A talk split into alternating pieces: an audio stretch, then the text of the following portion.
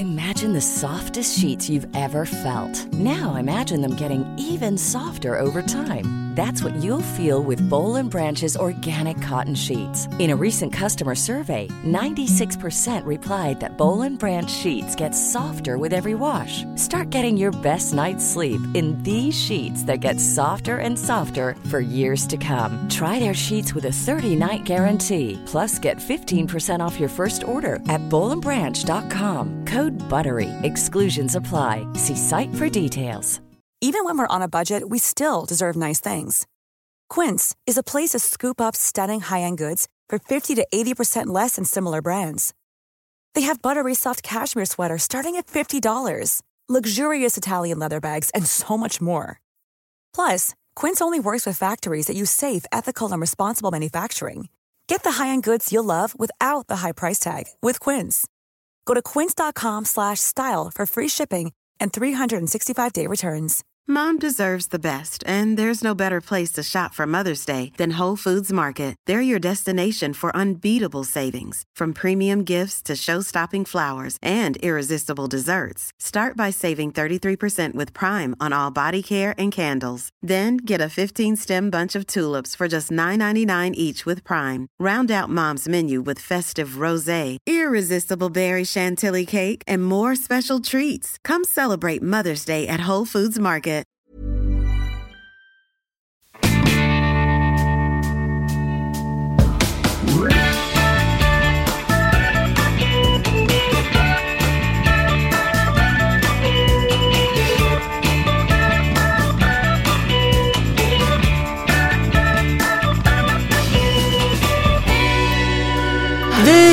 Har podden Funkismorsorna som vi tänker är ett alternativ till föräldrar eller de som är intresserade hur det är att vara förälder till barn med särskilda behov.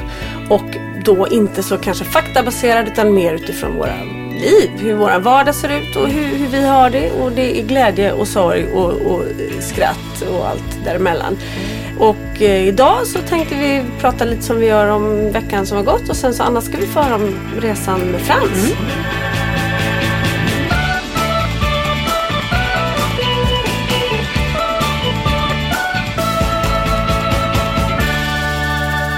Ska vi säga vilka vi är? Ja, det kan vi göra.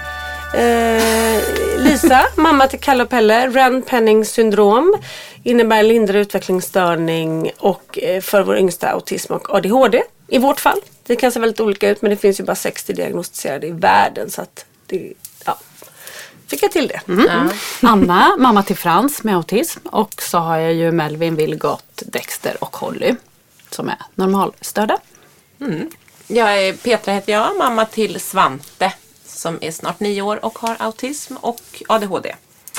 Och även lilla Polly som inte har någon diagnos men som är fyra år, lilla syster. Kommer du liksom- ihåg för övrigt när min Pelle då med autism när han träffade Polly första gången och han nös? Och han Nej. gjorde så här.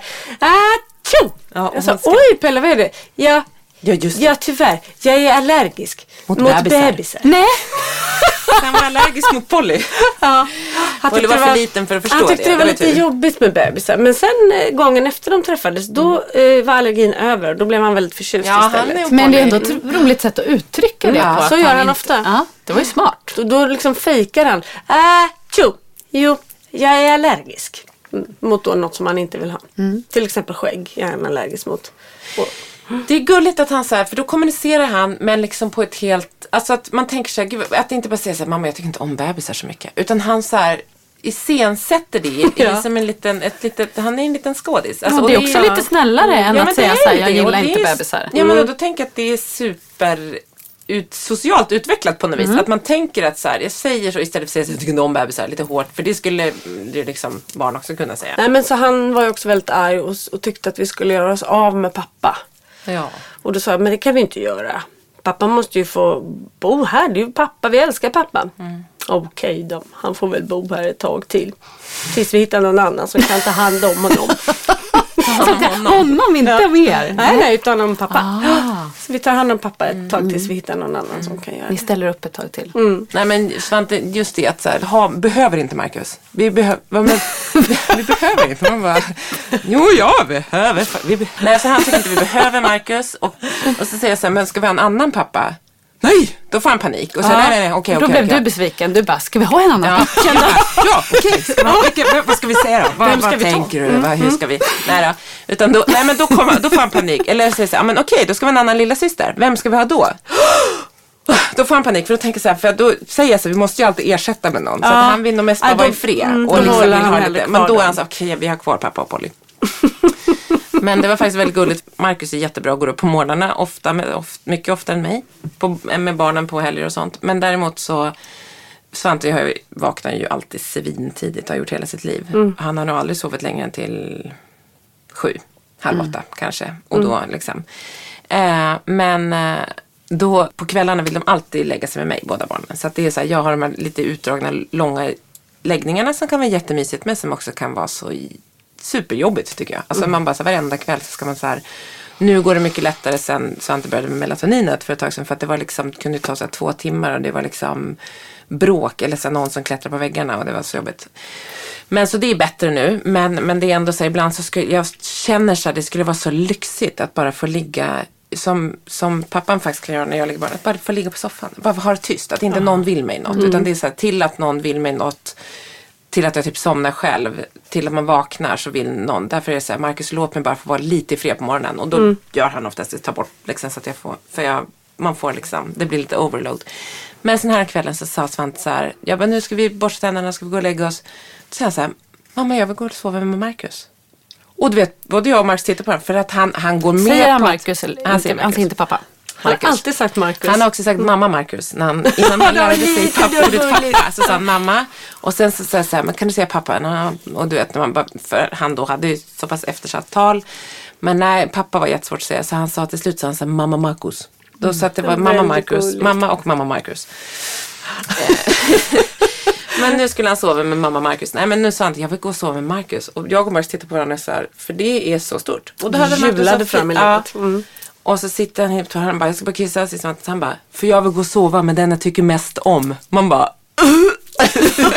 vilka kniven i. Man bara, okej, jag har lagt i varenda då. Hela Där var det över. Ja. Då var det slut. Nej, men så att det var, då hade de haft en sån fin eftermiddag. Marcus lägger också barnen. Men då är det så här, nu ska ni gå och lägga med pappa. Jag måste följa med. Ofta är det gruff liksom. Och nu var det så här, vi går upp. Det var inte ett ljud. Så Men jag när bara, ni nattar honom, eh, sover han i sin säng då? Och så ligger ni bredvid Nej, eller? oftast så somnar båda barnen i våran säng. Och så bär ni Och över så dem? bär vi över dem. Men Svante är ju då 1,48 lång. Och eh, han är långstånd. Han har ju inte så korta föräldrar heller. Men, mm. Och eh, väger typ 30 kilo. Så att nu börjar det bli jobbigt att bära honom. Anna, ska vi få din resa idag? Ja. Och Frans? Mm. Spännande. Ja. Nej, men, eh, Frans eh, är ju vårt fjärde barn. Eh, och då är man ju också ganska... Man är, ja, man är ju inte så här att man sitter och läser vad de ska kunna varje vecka och sådär. Frans är också ganska speciell. Han är född på julafton. Det är vårt lilla Jesusbarn. Ja. Eh, och vi visste inte om Frans var en kille eller en tjej. Och han är ju vårt, vårt fjärde Men barn det då. vet ni nu. Mm, ja, nu vet vi att det blev en kille. Men då när han föddes då, eh, för vi har ju, vi hade, Frans har ju tre yngre, eller äldre menar jag, bröder. Mm. Så då när han föddes var det också lite intressant, för precis när han kommer ut där på julafton så kissar han också rätt så här i ansiktet typ mot Henrik. Så att det var verkligen så här, en till kille. Här är jag. Och lilla tomtenisse. Med besked kommer Ja. ja. pojket in. Mm. Och så, det var ju också så här, det har ju ingenting med den här podden att göra, men det är också så intressant eh, omgivningens liksom förväntningar på att det ska komma en tjej Ja, eller sådär. Så ja. när, när vi gick till dagis efter jullovet med Frans och alla syskon var så nöjda och vi gick där med dubbelvagnen så här, då kommer en mamma och bara "Åh, Vad blev det? Nej. Ja men det blev en Frans. Åh, ni får försöka en gång till. Nej, men- Så här. men- och Frans var inget försök, han bara blev liksom. Det var inte ens planerat. Ja, så det var lite tokigt. Ja. Ja, han det har ingenting med det här att göra. Men Jesusbarnet. Men sen var det också så att Frans, precis som sina äldre bröder, hade jätteproblem med förkylningsastma. Mm. Och slutade andas. Han var bara en vecka när han fick RS-viruset och var Oj, jättesjuk. Så vi åkte liksom in och ut till akuten. Vi åkte ambulans flera gånger och en gång när vi åkte till Danderyd så slutade han andas där. Så vi fick åka ambulans från Danderyds akut till Karolinska. Så det, och vi var inlagda och det var liksom så jobbigt när han var liten med, med andningen. Eh, men för övrigt så var han ett jättenöjt barn liksom. Väldigt glad och, och snäll och så.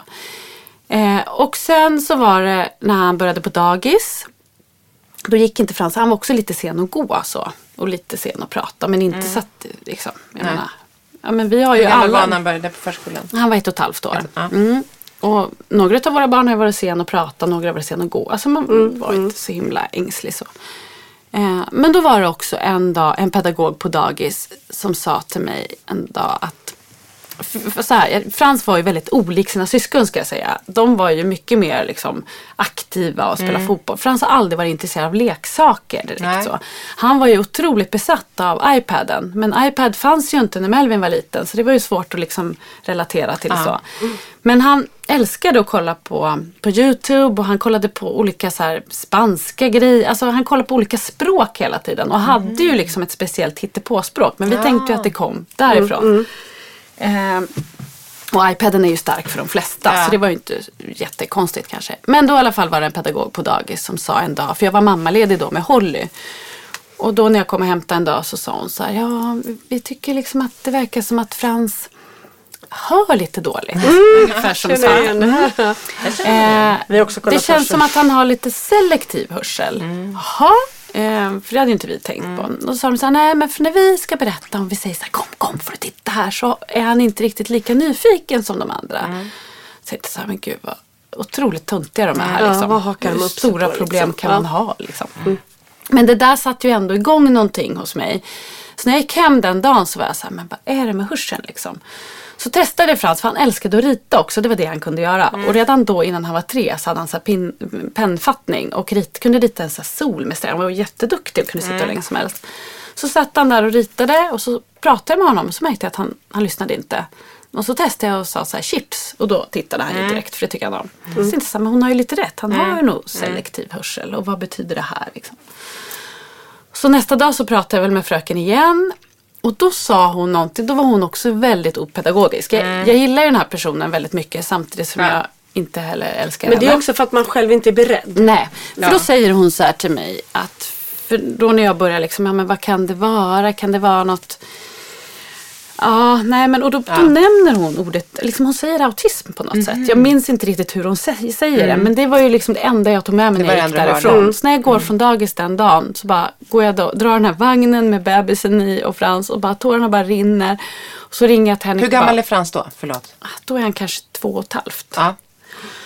Och bara, tänk om han har autism. Så här. Och Henrik bara, nej men det är klart att han inte har autism. Mm. Sen Så ringer jag min kompis som också jobbar med eh, barn och ungdomar som har olika svårigheter. Och hon hjälper dem att komma ut i arbetslivet och har jobbat på boende och skolor och hon kan väldigt mycket. Och den som, det här var på hösten och den sommaren innan där hade vi varit på Gotland tillsammans. Och då hade vi pratat mycket om föräldrar som har barn med olika svårigheter, just autism och hur det kan vara. Och, så här. och vi hade liksom varit en hel vecka tillsammans med våra barn. Så ringer jag till henne och bara, tror du Frans har autism? Hon, bara, "Nej, men hon skrattade och bara, men det är klart att han inte har det. Skärp dig liksom. Det har han ju verkligen inte. Nej, och sen började det här. Jag kunde inte sova. Jag bara låg och googlade hela nätterna. Holly bebisen sov hela natten. Jag satt upp och googlade, googlade, googlade. Jag blev helt, aldrig blivit så besatt av någonting som det här. Och man försökte hela tiden hitta så tecken. Motbeviset. Ja. Eh, och vi försökte ha möten med dagis. Men det var som att de inte liksom... Man fick ju inget vettigt ur någon. Det var det jag Nej. tyckte var så jobbigt. Jag vill ju ha så här svar på saker och ting. Vad är det han ha- har? och Vad är ja. det för fel? Och vad ska vi göra? Man vill inte ha svar, man vill att de ska säga de har inte det. Nej, exakt. Det var det. Man letade hela. Det var därför jag också pratade med min kompis och hon kunde bekräfta. Och det, det kom liksom kompisars eh, andra vänner som bara, nej men min kompis när hon var liten hon lekte aldrig med någon. Hon var helt Ja. ensam. För han var också väldigt ointresserad av andra barn. Och liksom, det kom mer och mer tecken. Och samtidigt så var det svårt att förstå för han har alltid varit väldigt social ändå. Otroligt så fysisk och gillar kramas och ändå liksom Ja, men eh, jag kunde liksom inte sluta tänka på det där och det blev ju liksom ohållbart i längden och jag ringde BUP och de, eh, där var det också så här, det tog jättesvårt att få en tid och till slut så fick vi en tid och då var det bara jag och Henrik som skulle dit. Och då fick vi träffa någon psykolog där som bara ställde tusen olika frågor. Eh, och då försökte vi säga så här, det här är ändå vårt fjärde barn, det är någonting, ni måste liksom lyssna nu. Ja. Ja, nej men då ville de boka en ny träff med oss. Eh, och sen när det var dags för tredje träffen då fick jag ändå ringa och säga så här, nej men ni måste Med sluta. er bara? Ja, ni måste sluta träffa mig och Henrik nu. Det är Frans ni måste träffa. ja, verkligen. Men då i alla fall skulle Henrik och Frans dit. och då säger hon, den här psykologen, då börjar hon så hinta med Henrik om att jag kanske har fått en förlossningspsykos. Nej. Mm. Eftersom Holly var liten då. Nej, hon ger det på dig. Mm, och Henrik bara, nej men ni måste lyssna nu på oss. Vi känner att det är någonting. Dagis har ju också liksom hintat Ja, att det ja, är någonting. Ni måste kunna förstår inte det där motståndet. Nej, men vad det är så många det? föräldrar som är, lever i förnekelse. Ja, här kommer någon som är helt vidöppen. Ja, samtidigt så var det ju, vi, hade, vi fick ju också remiss och kolla hörseln och den var ju fin. Han fick också rör inopererade och då var det ju också så här yes, yes, yes. Och när han hade fått de där rören då kom jag ihåg att vi tyckte så här, "Ja, men är han inte lite mer med i matchen nu? Här, nu Ja. Det var nog det. Men och jag kommer också ihåg att när han lekte en gång lekte han så här med en kassaapparat hemma. Jag bara, det här är adekvat lek. Alltså att man hela tiden försökte så här. Åh, vilken jobbig tid. Ja, ja. Ja. Men och, och liksom till vilken nytta egentligen? Han blir ju inte mer eller mindre autistisk för att han gör det ena eller andra. Men sen i alla fall till slut då så lyssnade Velba upp och så gjorde vi en utredning. Eh, den var ju också lite så konstig. Det känns ju som att man hade Ja. gått igenom det mesta och bearbeta. Eller jo, så här, innan vi fick göra den ska jag säga. Då, då var det faktiskt en, för jag var verkligen nere i det svarta hålet innan utredningen. Och då var det en dag när Henrik var bortrest. Och jag brukar vara ganska, jag är inte så gnällig av mig. Jag tycker inte det är jobbigt att ha så fem barn. Och jag skjutsar på träningar och jag fixar och de har kompisar hemma och lagar mat och inget problem någonting. Men då var det en morgon då jag vaknade och jag kände så här, jag kanske inte orkar lämna på dagis idag. För jag kände att jag så här, var åt hemma inte, jag sov då, inte. Ja, och Henrik var bortrest. Och så fick jag väl ändå iväg alla och så skulle jag på BVC med Holly. Och då när jag sitter där i väntrummet och den här gulliga BVC-sköterskan som jag ändå känner då eftersom jag, här var mitt femte barn, stamkund där. När hon kommer i väntrummet så säger hon så här, hej hur mår ni? Då bara uh, börjar jag gråta liksom. För jag hade nog inte gråtit så mycket innan. Nej. Och då fick jag träffa en, eh, för då ligger vårdcentralen vägg i vägg. Hon bara, du måste få träffa en terapeut så här. Så då fick jag gå och träffa en terapeut där. Direkt samma dag? Ja, vad jag fick tid direkt på En morgonen då. Och då bara, satt jag där och grät. Eh, och första gången var jätteskönt. Sen skulle jag gå dit efter Mm. en vecka. Och då kände jag så här, jag har inget behov av henne. För hon ger inte mig svar. För det enda jag ville, jag kunde liksom inte. Mm. Precis. Vad skulle hon Ja. hjälpa mig med? Jag ville ju bara veta, har han autism eller inte? Ja. Och Och, så fort inte någon hon. hintade så sökte man upp en ny människa Ja. som kanske skulle kunna säga nej. Precis, eller, så det var liksom helt, men det hjälpte mig lite. Jag var verkligen nere på botten då liksom. Mm. Det, var, det var fruktansvärt. Kunde hon se det? Och jag tänkte, ja ja ja. Och jag kände så här, jag kommer aldrig mer bli lycklig. Nej. Jag kände mitt liv är slut. Och varje gång jag vaknade på morgonen tänkte jag så här, nej det var inte en dröm. Och hur kunde det här hända? Och, och just det här att vi, vi hade också fått ett till barn efter det här. Om vi hade vetat det här så hade vi inte, nu var inte Holly planerat heller. Men man bara känner så här, vi har liksom fem, hur ska vi klara av det här liksom? Och Henrik var ändå mycket. Det är som, som du sa innan att han var ändå den starka då. Så han kunde liksom. Han bara, det här fixar vi också såklart. Men i alla fall till slut då så eh, blev jag, jag fick ändå hjälp där och blev lite piggare. Och sen så fick vi, gjorde vi utredningen och då eh, fick vi ju då att Frans har autism. Och hur gammal var han då? Och då hade han precis fyllt tre år. Men, och då var det också mycket stöd. Då tänker man så här, men nu när vi gick därifrån var det också så här, man var ganska tom samtidigt som att man kände så här att nu vet vi ju att det är så här, men man får ju ingen hjälp för det liksom. Nej. Men man kände ju ändå att eh, men sen så var det, då- det var en person som sa till mig en grej som jag tyckte var jättehärligt precis innan han fick sin diagnos. Det var det här med att alla har vi ju drag av autism. Men det är när dragen blir för starka, när man inte klarar vardagen, som man behöver en diagnos. Och det tycker jag är ganska skönt. För det är lite så det känns, som att alla har vi ju det här i oss. Men Frans har det kanske lite starkare på Det vissa. på lite högre volym Ja. vissa delar. För Men det barn. som var jobbigast för mig sen efter diagnosen, det var att jag ville veta så här, hur blir vårt liv? Jag var besatt av hur andra med autism var som Det var då du femåringar. ringde mig va? Ja, men jag ringde nog dig. Hade vi fått Innan diagnosen kanske. eller var det innan? Nej, det kanske ni inte hade. Det var nog när jag var mest besatt Ja, på hösten. Då Mm. ringde jag dig. För då visste jag, hade jag hört att, att ni hade, det var någonting. Men jag Mm. visste ju inte om det var autism. Nej. Och det var så himla skönt för du var ju förbi det där stadiet då. Och Mm. du var ju mer så här, jag var ju besatt av att Frans ska gå vanlig skola. Frans ska bli så normal som möjligt. Mm. Medan du var så här, nej men det är så här det är nu. Och vi tänker inte träna extra. Och vi Mm. tänker inte... Jag Det var säkert lite obekväm för dig. Nej men sättet. fast det Jag var tänker, ändå lite Hur kändes skönt. det? Precis, för Jag jag, tyckte stött att- också på, inte dig, men sådana, jag kommer ihåg någon direkt efter vår utredning och jag var så här, ah, med en, en, mam, en kvinna som har en flicka med Downs syndrom.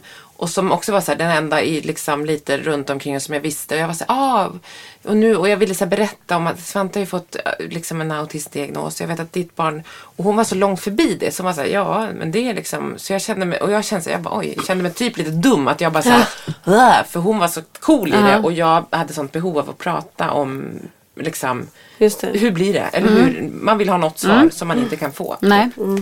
Nej, och det var väl det. Man, man, liksom, man är ju man, den här kampen som Ja. pågår hela tiden också. Det är ju att det är så fruktansvärt jobbigt och svårt med ovisshet. Det är ju, den, det är ju på riktigt den jobbigaste ja, känslan mm. som finns. Ja. Och där någonstans är vi, har ju alla fått vara med om att förlika sig med ovisshet. Och Ja. det tror inte jag så många människor Nej. fattar hur jädra svårt det är. Nej, och det här var ju ingenting om man jämför med hur länge ni väntade. Men jag är också Nej, men otroligt det- och det otålig och, spelar kan liksom roll. inte... Nej. Och men jag kände är- också så här att det var alla andra familjer som jag såg på min, mina äldre barns eh, som spelar hockey och när Mm. vi var där och träffade alla, alla familjer var så lyckliga. Det kommer jag ihåg att jag kände. Alla hade perfekta familjer. Mm.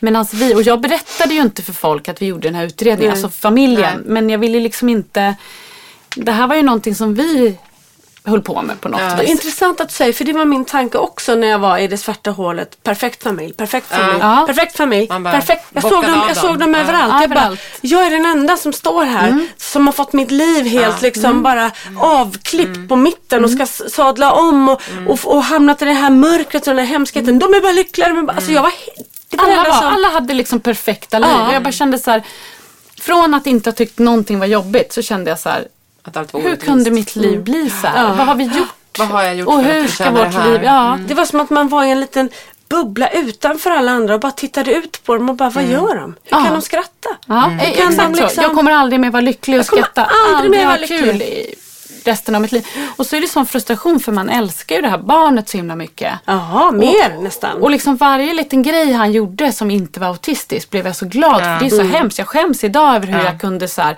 kolla han gör så, han har nog inte autism ändå. Att det var liksom så, Okunskap. Men det är okunskap för vad visste man själv om autism? Alltså man visste Nej. så här, jag kommer ihåg att jag hade en, en, en liksom, alltså man, man visste, när vi växte upp så var det ju inte heller så var, många, jag kommer ihåg en, en kille som gick i min klass som i många år, han var, hade absolut Asperger, men det visste man inte. Han Nej. gick i våran klass och han var mer så här, om en, han är ju typ ganska störd. Eller så här, han, eller var så här särskola. Eller, Och det var så här, han går på sär. Du vet, det var, alla bara klumpades ihop och var konstiga. De här andra. Så att för oss var det inte, vi är inte uppväxta med att, som jag ser nu, han min klass, supertydligt. Liksom, Nej, men det visste man ju inte då, men nej. Nu ser jag det, gud. Och liksom, Man visste, man kände till Rain Man och man började googla. och vi man visste liksom- att de kunde sitta under ett bord och rulla Ja. en sten. ja, eller liksom. sitta och gunga. Ja, eller sitta och titta Och på en tvättmaskin som snurrar. Och det gjorde ju inte Frans. Så Frans Nej, var ju inte, var inte- den typen.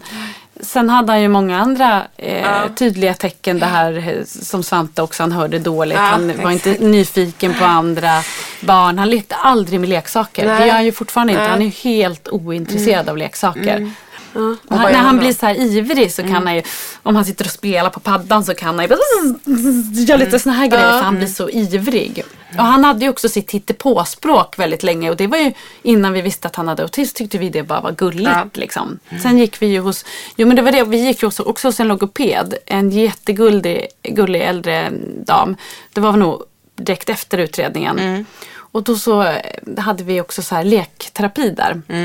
Och då så, hon var så fin den där kvinnan. Och då så pratade vi om hur det var liksom för mig och sådär. Och då så sa jag men, att det är en sorg. Och, så att det är ju bara kanske acceptera men det, liksom, det känns ändå jobbigt att så här, Frans kommer kanske aldrig få en familj, aldrig ha barn. Och all, för det Ja. var jobbigt för Ja, mig då. det- Jag förstår inte hur jag kan skena iväg så. Jag vet ju ingenting om mina andra barn heller. Men då var det liksom. Och Fast där så- skenar jag iväg fortfarande. Ja, det är gud, den här ja. ryggsäcken Gud, jag ja. Men då så sa den här kvinnan, så hon bara, nej men alla behöver ju inte vilja ha barn. Hon hade inga barn. Och då kände jag så här, när hon sa att hon inte hade barn. Ja. Då fick jag så dåligt samvete över att jag tog för givet att alla, Att alla vill ha fem barn. ja eller att alla ens kan få. Alltså Nej, det kan man ju inte Ja. heller. Men där sa eh, Frans, vi gick och gjorde sån här IBT-träning eh, hos en psykolog. Och han sa till mig så här, Anna du måste sluta oroa dig för framtiden. Mm. Det får du ta där och då. Du går inte omkring hemma och tänker så här, tänk om Melvin inte får barn. Mm. Hur går det för Melvin i skolan eller Vilgot eller Dexter? Eller, det gör jag ju inte. Nej. Och det kan ju hända vad som helst. Ja, man har ingen aning om hur deras liv ser ut. Nej. Liksom, livet, så man ska kanske försöka så här tagga ner sina Ja, tankar och försöka vara Ja. här och nu, nu liksom och känna. Sen var det en annan person som sa en jätteviktig grej under utredningen också när jag mådde som sämst som sa så här, man mår som sina tankar. Mm. Och hjärnan kan inte se skillnad på vad som är fantasi och vad som är verklighet. Nej, det är väldigt sant. Och när man då börjar fantisera, då mår man så. Ja. Och så mådde ju jag. För min enda tanke var så här att men Frans skulle aldrig få familj eller liksom barn. Och, och idag kan jag ju känna så här, vi skojar ju om att vi ska bygga så här en friggebod till. Vi har gjort det redan. Det har vi också. Vi har byggt hus till våra barn Men som då det ska bo när de är lite- stora. Alla behöver ju kanske inte det. Nej, är, nej. ändå, exakt. det är ändå en sorg. Så. Nej men det är en jättesorg. Gud, den där, eller, och, och det är som du säger så här. I, vissa dagar så tänker jag jättemycket de där tankarna. Och vissa dagar så är man i nuet. Och man kan ju något som jag tror att alla vi har lärt oss med våra speciella barn. Det är att också så här, små saker som de klarar. Blir man så glad Man blir så över. glad. Mm. Man tänker så ah, men det där är ju, alltså så här, just det. Så hela tiden, varje dag, att, att våga också utsätta dem kanske för mycket förberedelser med lite spontanitet. Mm.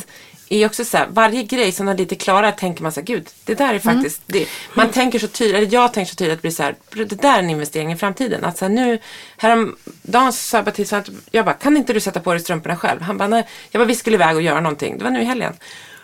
Och så kom jag tillbaka så har han strumporna på sig. Och jag var så här, satte pappa på dem? Han bara, nej. Jag bara, men, för han, strumpor är jättesvårt för honom. Det har han liksom. Och det skulle jag aldrig tänka om. Polly gjorde. Nej, hon sätter på sig, hon sätter på sig allt. Hon, hon sminkar sig. Det är hennes nya. Hon ska ha jättemycket läppstift i hela ansiktet. Eh, men hon, men, nej men så jag bara ropar på Marcus. Jag bara, har du satt på Svante strumporna? Nej.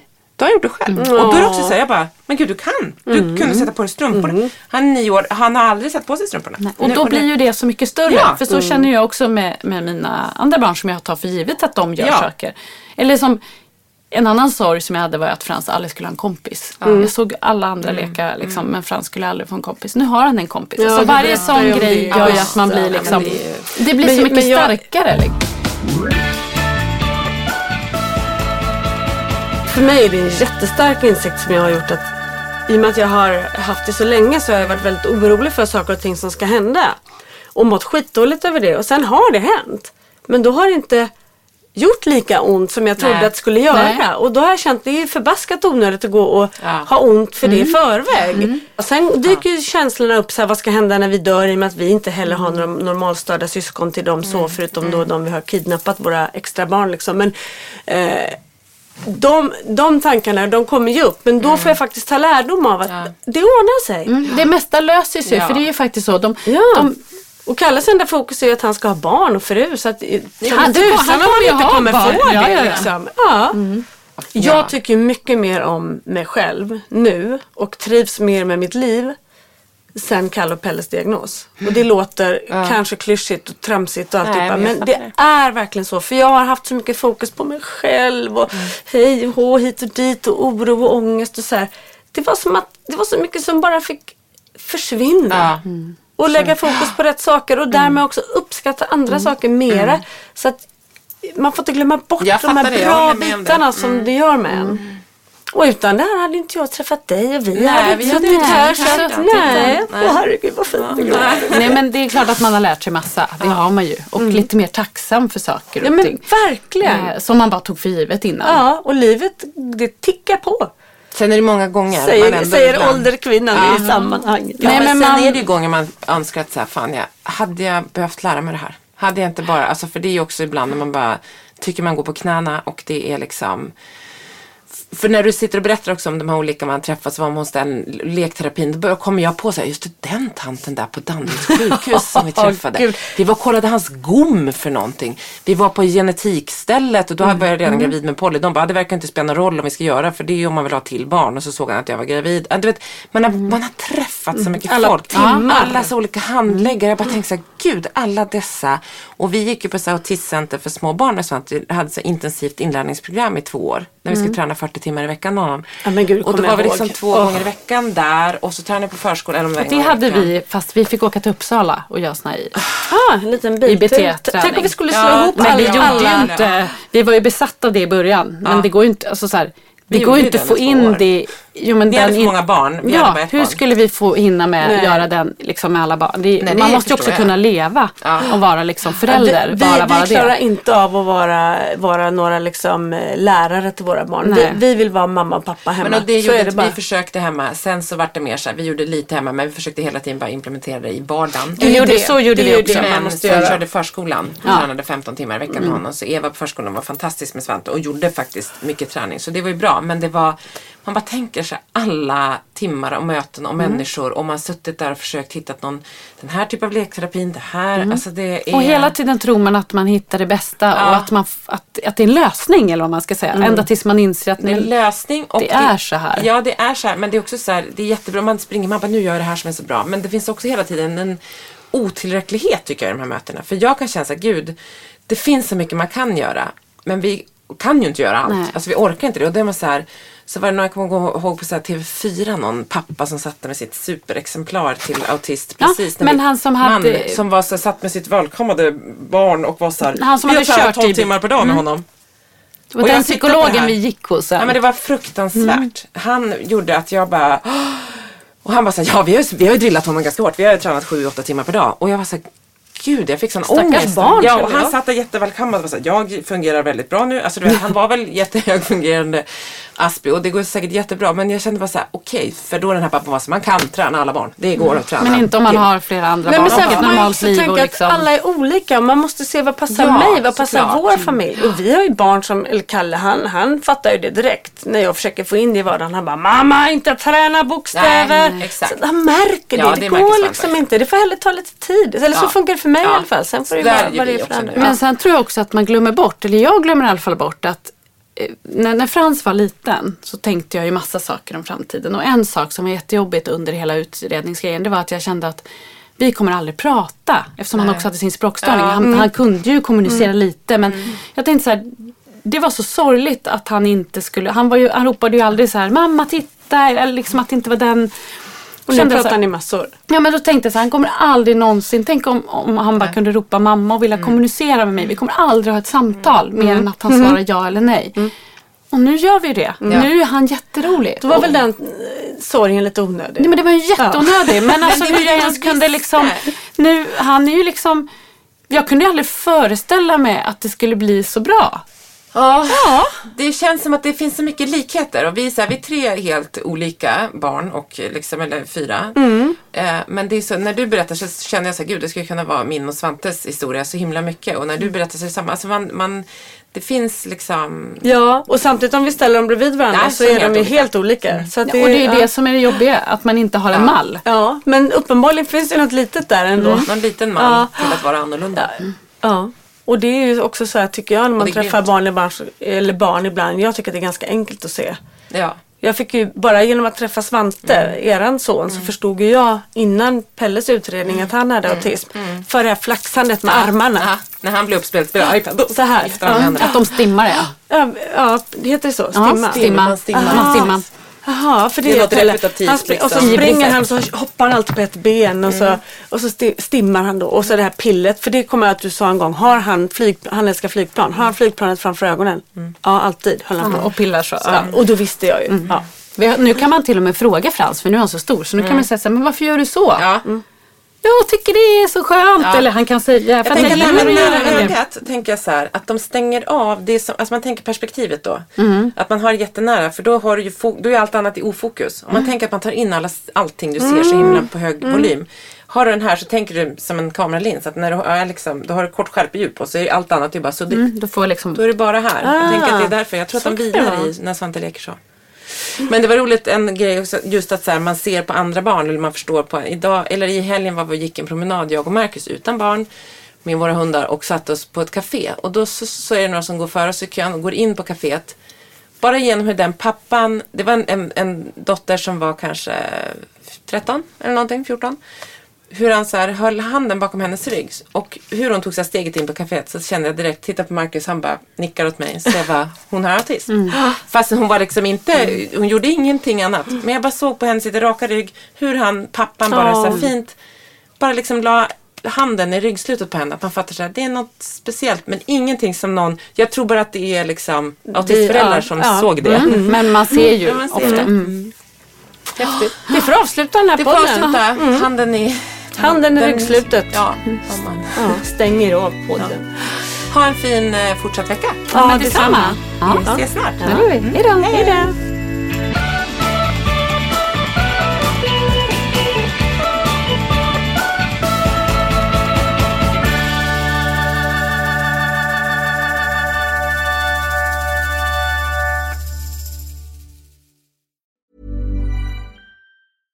Hey, it's Paige DeSorbo from Giggly Squad. High quality fashion without the price tag. Say hello to Quince. I'm snagging high-end essentials like cozy cashmere sweaters, sleek leather jackets, fine jewelry, and so much more. With Quince being 50 to 80% less than similar brands.